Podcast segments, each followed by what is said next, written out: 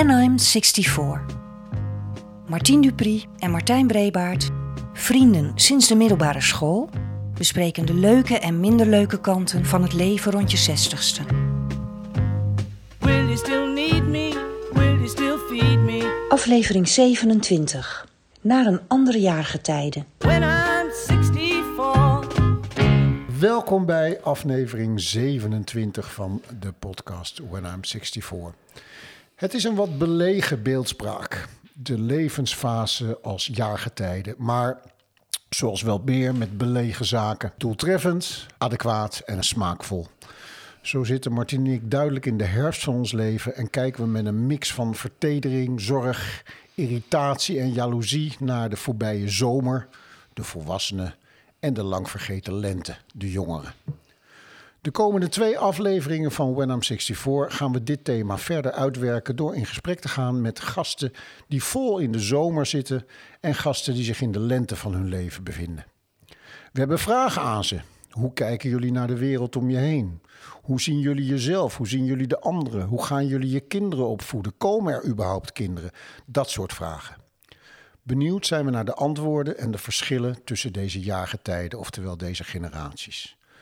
Maar voordat we daaraan beginnen, Martien, heb je nog wat meegemaakt de afgelopen weken?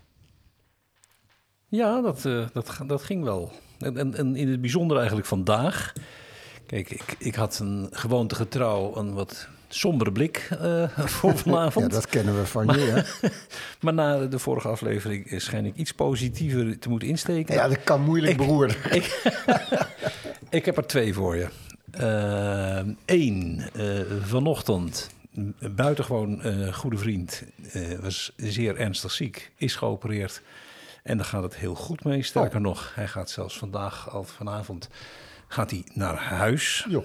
En dan merk je ook, eh, nog even de leeftijd tussendoor, dan merk je ook hoe emotioneel incontinent je wordt als je eenmaal boven de 65 bent.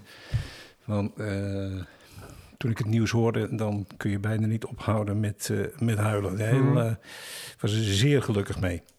Maar dat was een, Dat- er- was een ernstige ziekte ook? Of, Ja, ja. eh, geen, geen idee.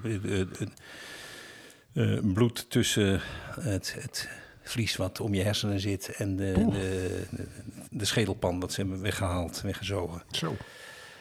En het tweede, ehm, eindelijk was het weer eens mooi weer.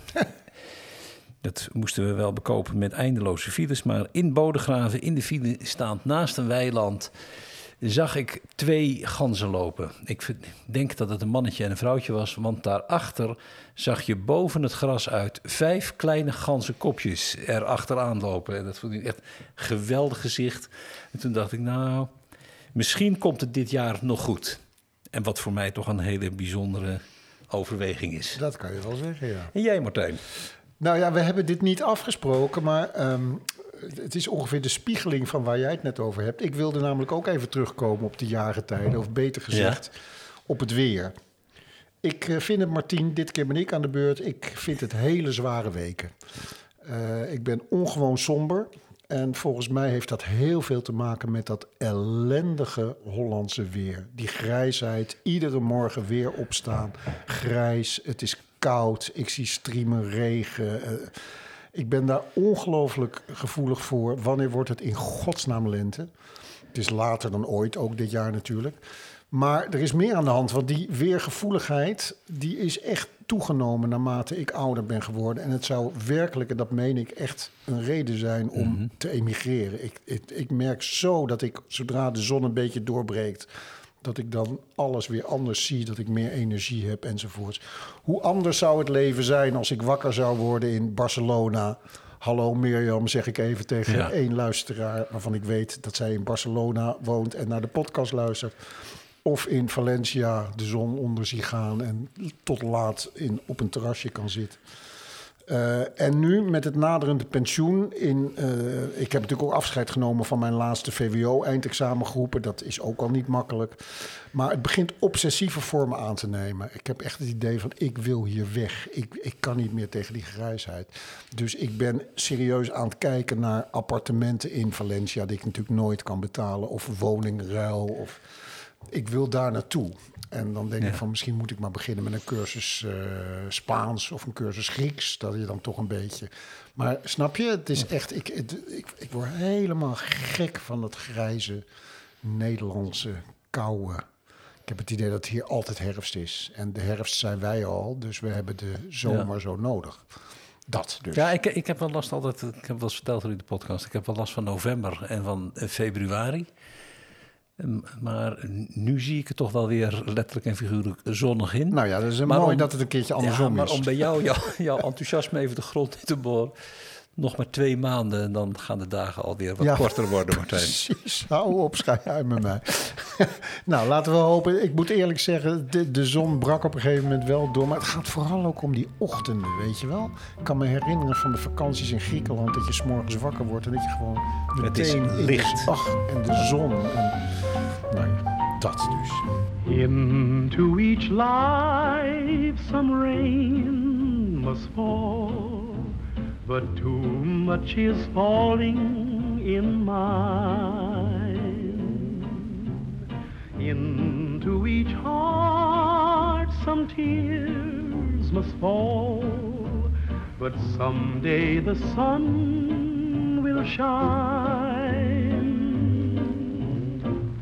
Some folks can lose the blues in their hearts, but when I think of you, another shower starts.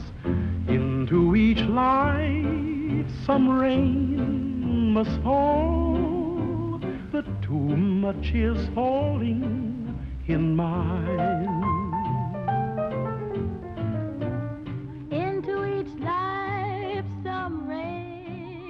Vanavond aan tafel bij eh Rickert en Marijn. Marijn wel bekend. We kennen deze tafel, hè? Wij kennen deze tafel, want we hebben hier al een keer gezeten met alle kinderen Ja. eh, van de familie Brebaert en de Klopt. familie Dupri. Dat was die aflevering Praten met de Kinderen. Die kwam ook Ja. hier vandaan. Ja, leuk, ja. Waar Rickert overigens niet bij was. Koude kant. Nee, maar nu wel. de koude kant. Dus in de, eh, in de, in de revanche. eh, vanavond wel met Marijn en eh Rickert aan tafel als vertegenwoordigers eh, van de generatie, zeg maar even voor het gemak, rond de 40. Al doe ik jou daar tekort mee, Marijn. Hè? Daar doe je mij ernstig goed rond mee. Ja, Daar moet je mee uitkijken. 34 toch nog. Maar wel de En zomer. Rickert, Daar doe je me iets te goed mee. en Rickert begin, eh, begin 40. En waarom we dat willen is, eh, we gaan vanavond met deze, zeg maar, eh, middengeneratie praten. En de volgende keer met de zoons van Martijn, die iets jonger zijn. Die zijn eh, rond de 20, net de 20 gepasseerd. Eh, in de lente van hun leven. Vanavond met Rickert en Marijn in de zomer van hun leven. Zij hebben al een verleden, zijn al mede verantwoordelijk van hoe de wereld op dit moment is. eh, maar hebben ook nog de toekomst voor zich. En hebben het voor het zeggen meer dan Martijn en ik, die inmiddels verkeren in de herfst. En eh, vooral veel verleden eh, hebben. En waar we, naar waar we in geïnteresseerd zijn, waar we het over willen hebben, is Marijn, Rickert. Hoe kijken jullie naar de wereld zoals die is geworden en zoals die thans is om jullie heen? Eh, ja, nou ja, dat... dat, dat ehm, Ik kan de vraag niet wijder stellen. nee, precies. Nee, ik heb er wel ideeën over natuurlijk. Hè. We leven best wel in roerige tijden. Ehm, maar ik merk toch ook wel dat ik soms nog steeds moeite heb, ondanks denk ik al twintig jaar roerige tijden, om echt de, de urgentie te voelen daarvan. En eh, nou, ook in aanloop aan deze podcast een beetje nagedacht van hoe komt dat eigenlijk? Is dat nou gewoon wie ik ben, karakter, opvoeding, weet ik niet. Deels waarschijnlijk, maar heeft ook te maken met de, nou ja, de, de, de tijd waarin mijn generatie opgegroeid is. Hè. Ik, ik ben van, eh, van begin jaren 80, dus groot geworden in de jaren 90. En dat was de tijd dat het, eh, dat het niet op kon. Dat, eh, dat het, eh, de, de einde van de geschiedenis noemen we dat toen, geloof ik. En hè, we waren allemaal democraten, we waren allemaal liberalen en het, het, het was allemaal goed gekomen, zeg maar. En dat gevoel, het was allemaal goed gekomen, dat, dat, dat heeft mij nog niet, los, niet, losgelaten. Ik denk nog steeds dat alles altijd goed komt. Er zijn af en toe nog een paar, paar types, een paar gekken die, die, die, die er anders over denken. Maar eigenlijk zijn we ook nog steeds op de goede weg. Dat is het, een soort verinnerlijk gevoel wat ik heb. Aan de andere kant kan ik ook niet ontkennen dat het... eh, ja, inmiddels al een jaar of twintig echt wel eh, in toenemende mate spannend en ingewikkeld wordt op, eh, op politiek niveau, op maatschappelijk niveau. En dat me ergens op de achtergrond ook wel zorgen baart. En ik zou daar meteen wat vragen over, maar ik wil eigenlijk eerst graag van jou even horen, Marijn. Als je dat dezelfde grote vraag die Martien stelde aan Rickert, zou jij daar hetzelfde op antwoorden? Nou, ik denk dat dat gevoel van de jaren negentig, dat Rickert en ik dat wel echt delen. Maar ik denk wel dat ik iets eh, pessimistischer erin sta, als in dat ik me echt wel meer zorgen heb. Vooral over hoe vrij onze kinderen nog eh, opgevoed kunnen worden. Of hoe, hoe vrij we ons nog kunnen bewegen. We, er komen steeds meer restricties, steeds meer oordelen. Als vrouw zie ik ook veel ehm, ja, gevaren voor hoe vrij wij ons als vrouw nog kunnen bewegen. Als ik zie dat nu.nl vandaag weer een artikel heeft over de gevaren van het deeltijd werken. Ja, met, met, met drie dochters maak ik me daar wel zorgen over. Ja, heeft, dat, heeft dat consequenties voor je, voor je opvoeding, die zorgen die je maakt? Ja, dat denk ik wel. Ik denk dat wij heel erg eh, open zijn naar onze kinderen en heel erg bewust zijn van eh, dat wij willen dat ze zich vrij voelen. Vrij om te zijn wie ze zijn. En om wie ze willen zijn en dat alles oké is. Dat hoe je ook bent, dat dat oké is en dat je niet per se in een hokje hoeft. Dat je gewoon jij mag zijn. Ja, dat klinkt dan allemaal weer zo vreselijk. eh, Nee, ik, Maar kan- ik, kan me, ik kan me dat, wel dat vind ik wel, ja, dat klink- klinkt correct. Maar dat- Ja. ik vind dat erg fijn om de kinderen dat gevoel mee te kunnen geven. Maar er is ook geen eh, censuur. Ik bedoel, ze zien natuurlijk ook iemand met een eh, trekker eh, Den Haag binnenrijden of met een fakkel naar een minister lopen. Dat is nogal wat op die leeftijd. Doen jullie daar iets mee of hou je dat bij ze weg of wat? Ja, ons motto, of in ieder geval mijn motto, en ik denk van Marijn ook wel, is als ze erom vragen, dan, dan, dan mogen ze dat weten. Dat, dat is eigenlijk in het kort wat erop neerkomt. Dus ik, nee, geen censuur. Ja, tot, eh, in ieder geval in, hoofdlijnen. Kijk, eh, bloederige gruwelijkheden hoeven niet eh, per se, maar de essentie van hoe de wereld in elkaar zit, of hoe de wereld, wat, wat er gebeurt nu, dat, dat mogen ze weten. ja.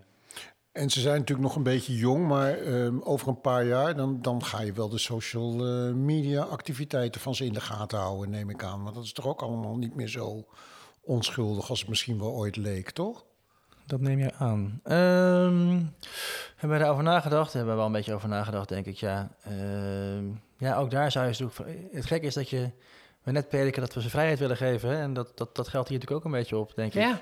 Ik, Nou ja, word, als ik- ik... word wel geprikkeld als jij zegt dat we dat in de gaten gaan houden. Nou ja, ik, nee, maar als ik het, als ik het koppel aan, of als ik het eh, spiegel aan mijn kinderen, denk ik van, ik, dat was nog tamelijk comfortabel. Want die konden gewoon nog eigenlijk achter hun computer zitten zonder dat je je zorgen maakte. Terwijl als je nu, weet je wel, dingen hoort over sexting en over allemaal nare dingen, dat je denkt van, poeh, dat lijkt me toch wel maar Martijn, ingewikkeld. toen ik ICQ opende, toen ik...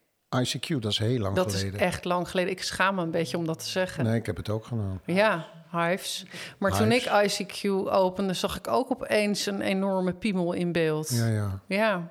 Ik weet niet eens of jij dat weet, Pop. Of je dat tijden. ooit hebt geweten. Martien trekt Nee, ik- helemaal ik voel me- Ik wist het volgens mij niet. Ik voel me niet verantwoordelijk eh, deze. Nee. Nee, maar ik bedoel, dat is, ik heb helemaal een punt. Hè. Dat, is, dat is nu nog toegankelijker dan het, hoe het toen was. Jullie werden daar denk ik totaal door overvallen. Terwijl wij er nu veel van weten. Dat is het grote verschil, denk ik.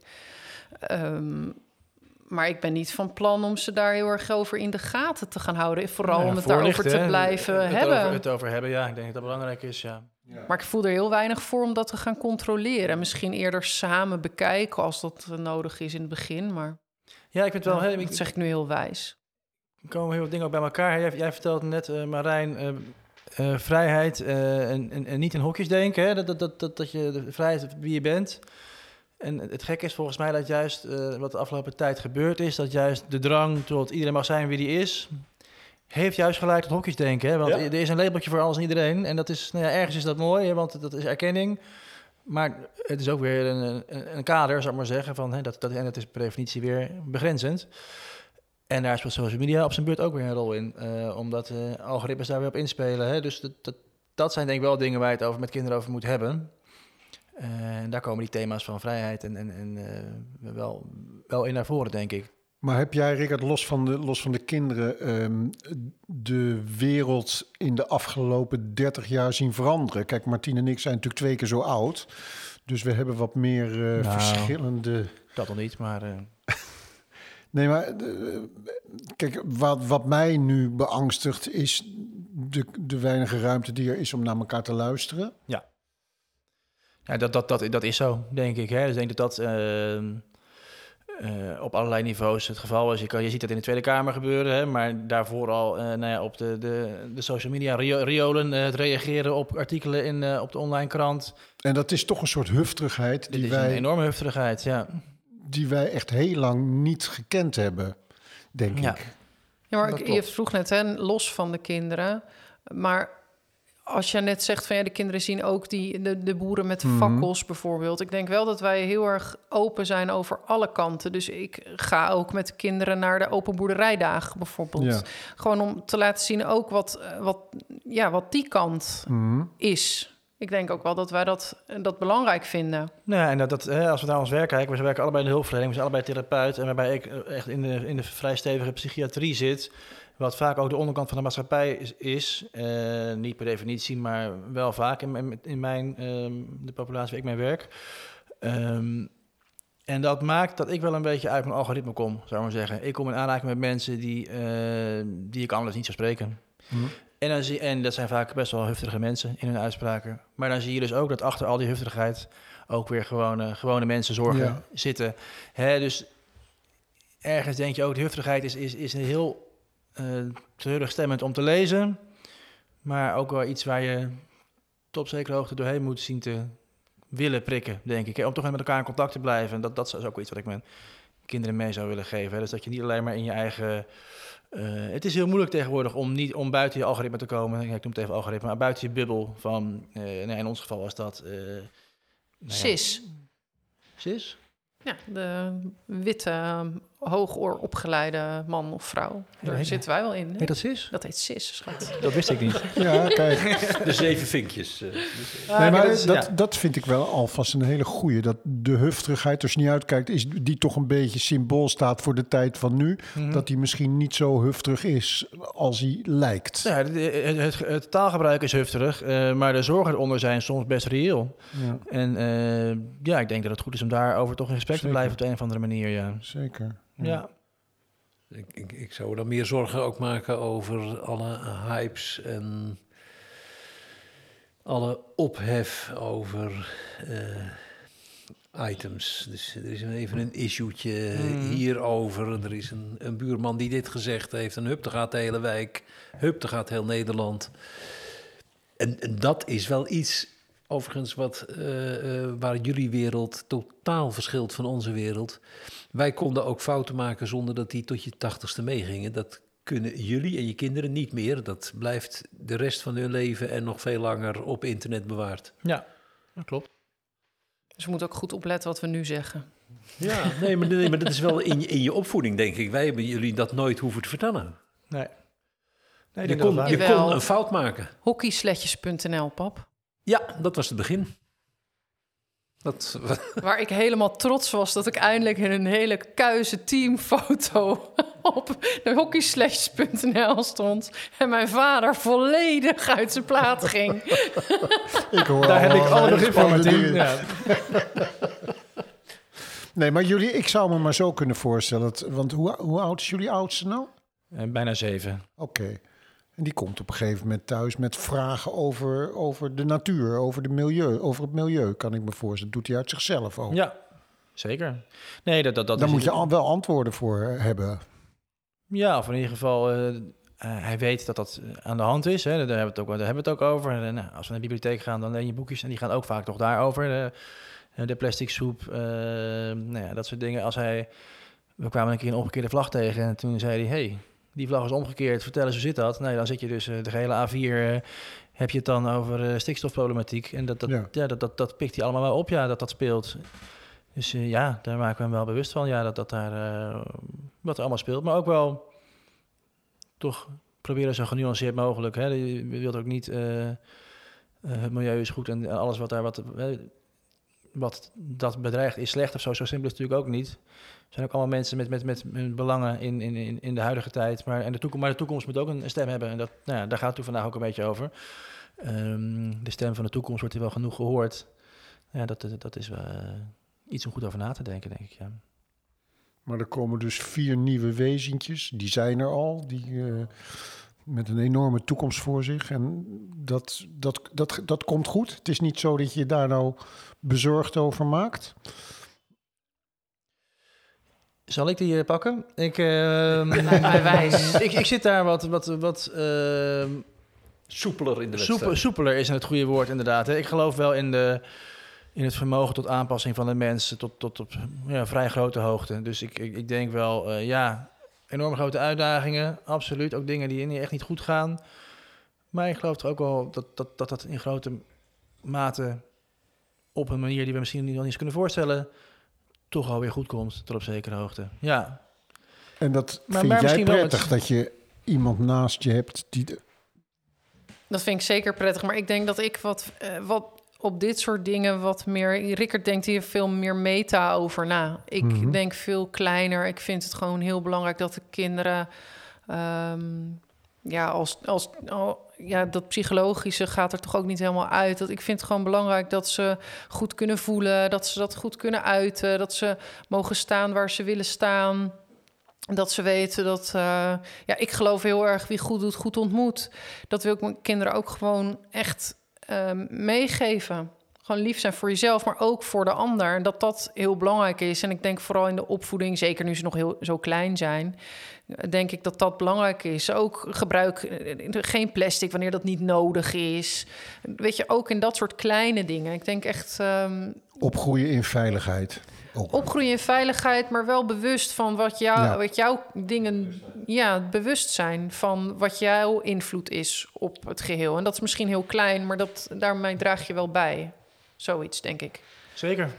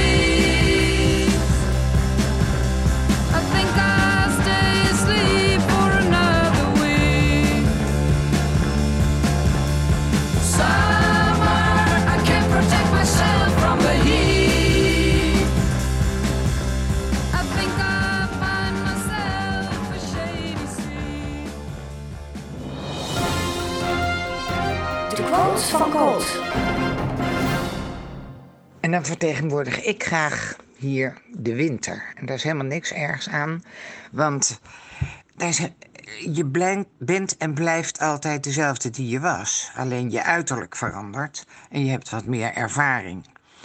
En eh, het is natuurlijk wel zo dat eh, het einde wat meer in zicht is. Maar ja, daar gaan we ook niet over zeuren.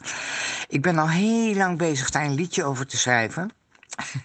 En de eerste twee regels van het refrein gaan zo. De tijd verglijdt als stromend water, telkens minder later.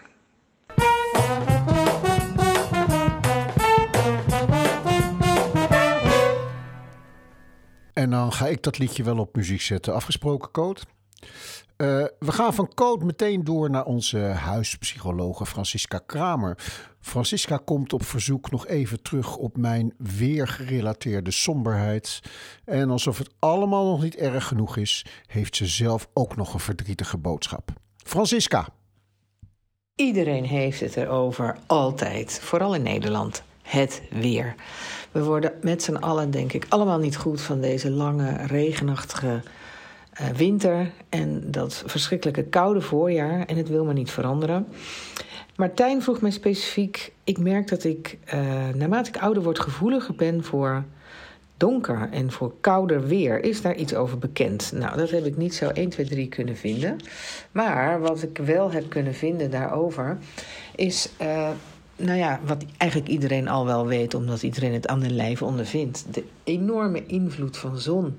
We worden met z'n allen vrolijk als de zon schijnt. En als het regent, worden we vaak moe en somber. Dat is inderdaad heel normaal. Want het weer heeft heel veel invloed op, op, op hoe we ons elke dag voelen. Hoe gevoelig je daar bent, dat verschilt van persoon tot persoon. Maar effect heeft het op iedereen, ook als je kerngezond bent. Er is zelfs een, ehm, een, een vakgebied dat heet biometeorologie. En in dat vakgebied wordt onderzoek gedaan naar de relatie tussen weer, lichaam en geest. En wat blijkt? Weerfactoren als hitte, luchtvochtigheid, zonlicht, luchtdruk en luchtvervuiling beïnvloeden de belangrijkste regelsystemen van het lichaam. En dat betekent je zenuwstelsel en hormonen, maar ook je hersenen en verschillende andere organen, waaronder ook je huid. Ehm, nou ja, we zijn ook productiever bij eh, bepaald weer. Bewolkte dagen zijn productiever en dan eh, wanneer, het, wanneer de zon schijnt. Wat ook heel herkenbaar is, ehm, bij mooi weer, mooi weer dwalen onze gedachten eerder af naar plaatsen waar we ook zouden kunnen zijn, zoals het park of de zee. Onweer maakt onrustig, ehm, daar kun je geïrriteerd door raken, minder focus hebben, focus er hebben en ook verandering in de elektrische lading in de lucht eh, spelen een belangrijke rol. Eh, regen is niet alleen sombermakend, maar kan ook een kalmerend effect hebben. Maar de invloed van licht is wel heel bepalend. Want licht en zonlicht maakt natuurlijk vitamine D aan, maar ook serotonine, dopamine, de gelukstofjes waar we allemaal heel ge- gevoelig voor zijn. En ja, het kan zijn dat naarmate je ouder wordt, je daar gevoeliger voor bent. Eh, een boek specifiek hierover heb ik niet kunnen vinden, maar ik wil wel heel graag een ander boek aanbevelen. Want over mijn favoriete onderwerp, de liefde. Want ja, dat is toch uiteindelijk waar alles over gaat. En omdat dit mijn laatste bijdrage zal zijn aan deze fantastische podcast, eh, kan het natuurlijk niet anders dan dat ik ook afsluit met een boek over de liefde. Eh, en dat is het boek dit keer van Stephanie Caciop- Cacioppo. Ik hoop dat ik het goed uitspreek. Het is een ehm, Zwitserse neurowetenschapper en zij heeft onderzoek gedaan naar de liefde. Eh, weet daar van alles van. Eh, heeft aan allerlei grote universiteiten onderzoek hiernaar gedaan. Ehm, heel veel met hersenscans ook van wat gebeurt in de hersenen op het moment dat mensen verliefd worden, bijvoorbeeld. Nou, en het ironische van dit verhaal is dat zij zelf heel lang geen relatie had en op een gegeven moment eindelijk de man van haar leven tegenkwam. En die bleek eh, hersenonderzoeker naar het fenomeen eenzaamheid. Dus die wist alles daarvan af. Nou, ze, zijn, eh, ze hebben zeven jaar lang een fantastische relatie gehad. Deelden zelfs een kantoortje samen aan de Universiteit van Chicago. Eh waren enorm gelukkig met elkaar. Maar ja, je voelt hem al aankomen. Op een dag eh, krijgt hij kanker en overlijdt. Of was iets ouder dan zij. En in, zij heeft een boek daarover geschreven. Het boek heet Gemaakt voor de Liefde. De zoektocht van een neurowetenschapper naar de essentie van verbinding door liefde en verlies. Ik heb het net uit, kreeg het opgestuurd van de uitgeverij, want het boek is eh, nog niet zo lang uit. En nou, ik kon echt niet meer stoppen met lezen. Ik vond het, naast dat het echt een mooi liefdesverhaal is, is het vooral ook een heel interessant verhaal over al die processen in ons lichaam, in onze hersenen. Eh, op het moment dat we bijvoorbeeld eenzaam zijn of op het moment dat we echt verbinding voelen met mensen. Dus eh, ja, echt een, een, een aardig boek voor als de zon straks weer schijnt, gemaakt voor de liefde. En af en toe een traantje wegpinken. Eh, ik wil eindigen met eh, de luisteraars te bedanken voor het luisteren naar mijn tips. En Martijn en Martien natuurlijk voor de gelegenheid die ze me gaven om een bijdrage te mogen leveren aan deze ontzettend leuke podcast. Ik heb van elke aflevering heel erg genoten. Ik vind het ontzettend leuk om naar te luisteren. Ook voor mensen die nog niet de 60 gepasseerd zijn. En ik vond het een eer om aan te mogen meewerken. Ehm, nou, misschien tot ooit. Will you still need me? Will you still feed me when I'm 64? When I'm 64. Ta ta ta. Ja, we eh, zouden ook eh, nog even gelegenheid geven voor het stellen van vragen aan elkaar. En dan een, eh, Marijn en Rickert aan Milan en David en andersom. En de vraag van Milan vanavond aan eh, jullie, Marijn en Rickert, is... eh, Milan is van de lentegeneratie. ja, ja. ja. Dat eh, hebben we het over eh, 21 plus. En die zegt, ja, de afgelopen weken heb ik veel stress gehad over een keuze die ik moet maken. Welke opleiding zal ik volgend jaar gaan doen? En, en wat zijn daarvoor de consequenties voor de rest van mijn leven? En hij zegt, ja, hoe kijken jullie daar nu je dat punt gepasseerd bent? Jullie worden nu ook eens op je leeftijd aangesproken, hè, op de gevorderde leeftijd. Hoe kijken jullie die dit punt eh, gepasseerd zijn daarna? Heb je ook zo'n punt gehad? eh, hoe was het om een besluit te nemen die de rest van je leven heeft gevormd? Of is dat gevoel van je staat op het punt een besluit te nemen over hoe de rest van je leven zal zijn, meer iets wat in je hoofd zit en blijkt achteraf dat het allemaal zichzelf ontwikkeld heeft en allemaal toch niet zo spannend was als je op dat moment dacht? Ja, nou Milan, eh, mooie vraag. Ehm, ik denk dat je twee eh, verschillende antwoorden krijgt. Dat Marijn en ik hier niet eh, uniform kunnen antwoorden. Ik vertelde aan het begin van deze uitzending al hoe ik eh, het leven een beetje zie. Het overkomt je een beetje en je stuurt af en toe een beetje bij. En met deze keuze hè, voor je opleiding, je levensinvulling, is het bij mij niet anders geweest. Ik, ehm, toen ik 19 was en klaar was met de middelbare school, heb ik eigenlijk vrij, eigenlijk op een vrije dinsdagmiddag bedacht: ik ga geschiedenis studeren, want dat lijkt me leuk. Ja. Niet nagedacht over de carrièreinvulling, terwijl je eigenlijk al wel weet eh, dat die niet legio zijn. Ehm, toen ik inderdaad na de studie geschiedenis de carrière niet erg vlotte, ben ik min of meer per ongeluk na een gesprekje in het park met, eh, met wat vrienden. Zeiden ze, joh, anders kom je bij ons even bij lesgeven. Zo ben ik in het eh, lesgeven aan kinderen met leerproblemen beland geraakt. En dacht ik, misschien moet ik hier maar iets mee gaan doen. Eh, toen ben ik orthopedagogie gaan studeren. En nu weer tien jaar later eh, werk ik met in, de, in de psychiatrie. En zo, zo is het gelopen. Had ik nooit van tevoren kunnen bedenken. Ehm, maar zo is het gegaan. En ik heb er eerlijk gezegd ook nog nooit druk over gemaakt. Het, het, het overkomt je, in mijn geval althans. Ja, ik ben En helemaal... nou jij. Ja, ik ben Ja. helemaal verbaasd. Nee, ik, zit, ik sluit me helemaal bij aan. Ik, Echt waar? ja, ik ben psychologie gaan studeren. Min of meer omdat ehm, ik eigenlijk orthopedagogiek wilde gaan studeren.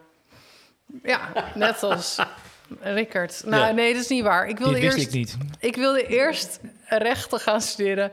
Toen dacht ik, nou, dat wetboek is niet voor mij. Toen ehm, wilde ik orthopedagogiek gaan studeren, maar ik heb daar een proefcollege gedaan. Toen dacht ik, nee, dat is niks. Toen ben ik maar psychologie gaan studeren, omdat ik eh, dacht, nou, daar komt alles wat ik wel een beetje leuk vind op de middelbare school wel bij elkaar.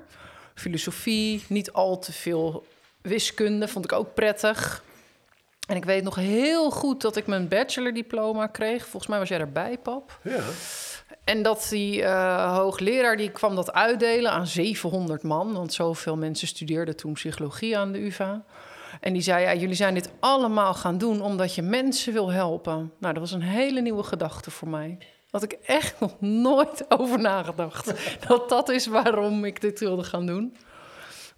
Ehm, maar ja, ik bleek daar toch wel heel veel plezier uit te halen. Maar ik vind ook de, de studie psychologie heel anders dan het vak. Dat moet ik ook wel. Want je hebt wel eh, een talent zeggen. voor het vak.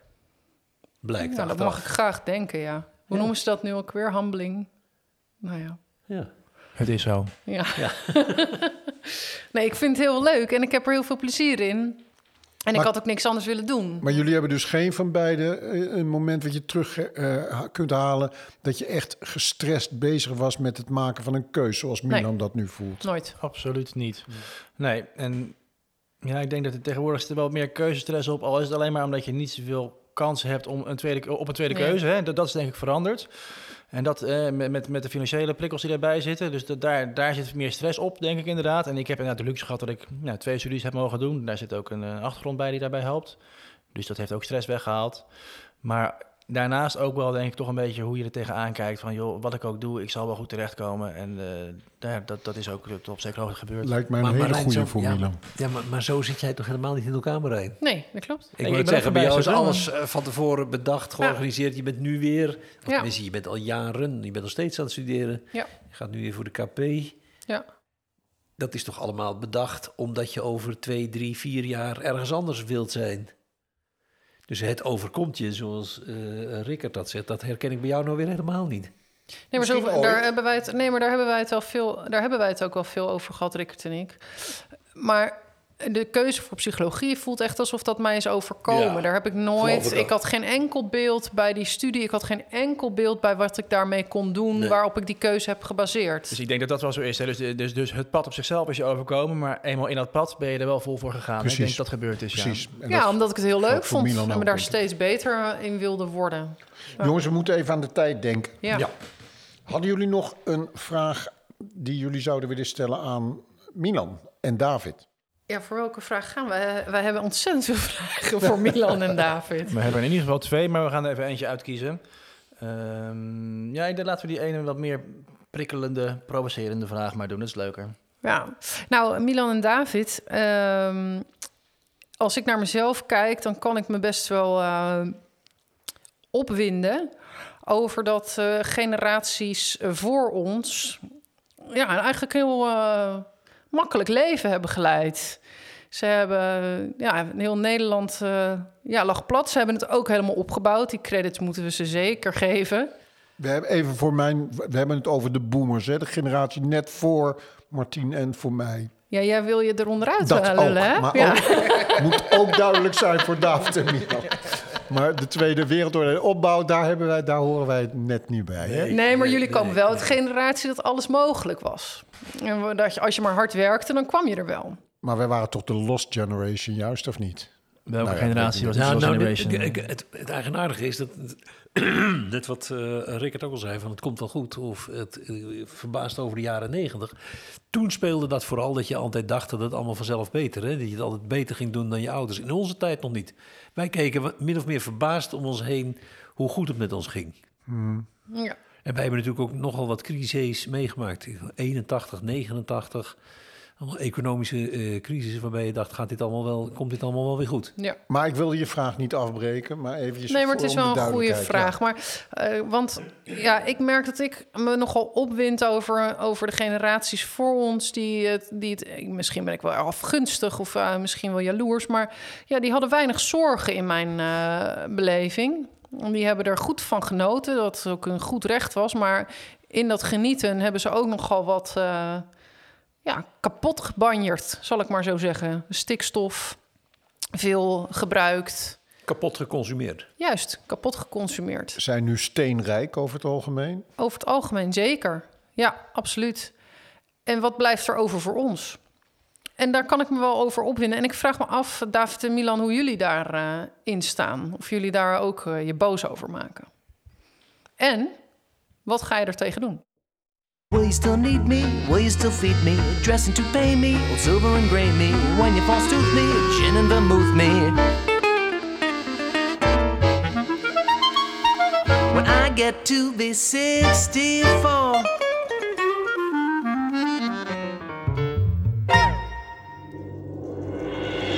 Bloemetje van, bloemetje van, het bloemetje van Martien. Vanavond een gedicht van eh Huub Oosterhuis. Het kan ook moeilijk anders. Hij is ons eh, vorige week eh, ontvallen op zijn 89ste.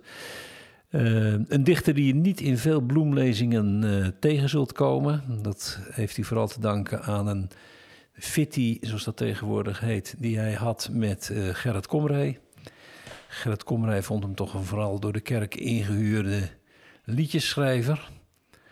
En heeft hem dat ook een paar keer publiekelijk medegedeeld. En eh, dat is ooit nog goed gekomen. Je kunt het je niet voorstellen, maar in, ze hebben een avond eh, in vrolijke dronkenschap eh, doorgebracht en het toen bijgelegd. Hij heeft natuurlijk wel een beetje gelijk. En daar, dat is, daarom breek ik even in. Want Ja. mijn herinnering aan Huub Oosterhuis is vooral Amstelveen. zondagochtend om half tien op mijn mobiletje naar een kinderkerkdienst die ik moest begeleiden. En ik heb onwaarschijnlijk veel prachtige liederen van Huub Oosterhuis, waarbij hij overigens nooit de componist is geweest. Nee. Dat is ook wel even goed om te vertellen. Maar de teksten waren van hem, op Ja. muziek van Antoine ja. Omen en zo. Dus ik heb Nee, eh, veel van zijn eh, Ik- liederen mogen begeleiden. Toen, toen wij 17 waren, 16 op de middelbare school, dagopening zolang er mensen zijn op aarde, op een gegeven moment, je kon het lied niet meer, je kon kotsen van het lied. Het verschrikkelijk. Goed, vanavond, Huub Oosterhuis, indrukwekkend oeuvre. Eh, het lied toepasselijk, het lied van de grijze kinderen. Wij zijn een beetje gek, moeilijk. Wij wenen op de onmogelijkste momenten. We blaffen ook en lachen uitzinnig. Wij hebben niet wat hoort. Wij zijn uit de oorlog, de tweede, de eerste.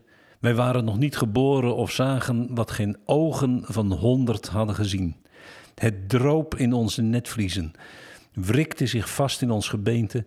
Wij staan vroeg in de morgen, wankelen in de middag. Wij zijn bang. We zeggen ja, doen nee. Dat gaat niet meer over. Maar wij weten wat wij weten en wisten het liever niet: dat in deze oude wereld een mens nooit veilig meer is. Veel geld of weinig, nooit meer gewoon, hier ben ik. Wij hebben de prijzen gezien die worden uitgedeeld voor hier ben ik. Wij zagen de namen verstuiven, verstoven as. Wij zijn van de 20ste eeuw, de grijze kinderen. Wij zegenen jullie, onze kinderen. Ga in vrede, wees welvarend, gelukkig.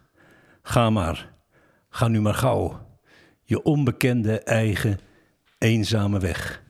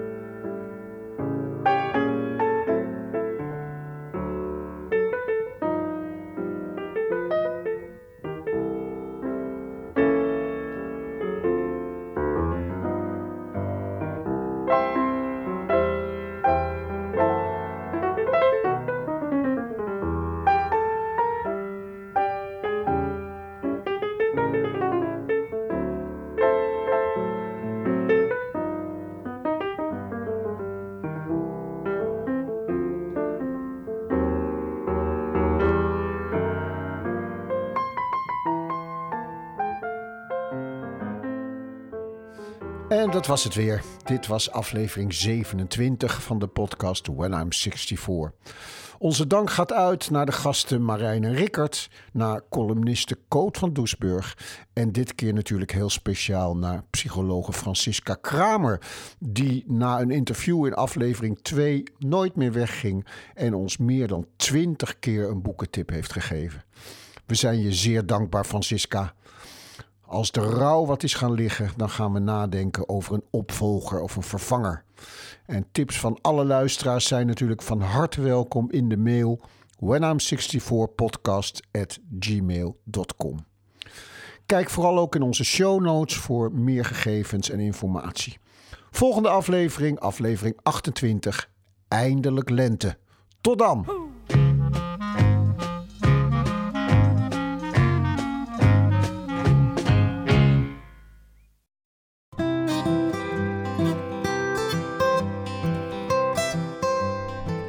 Vind je dit een leuke podcast?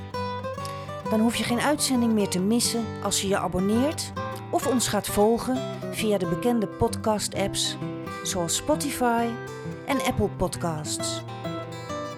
Leuke foto's en filmpjes kun je vinden op onze Instagram-pagina When I'm 64 Pod. Reageren kan via de mail whenI'm64podcast@gmail.com. Heb je dat, Martien? Ja, dat gaat lukken.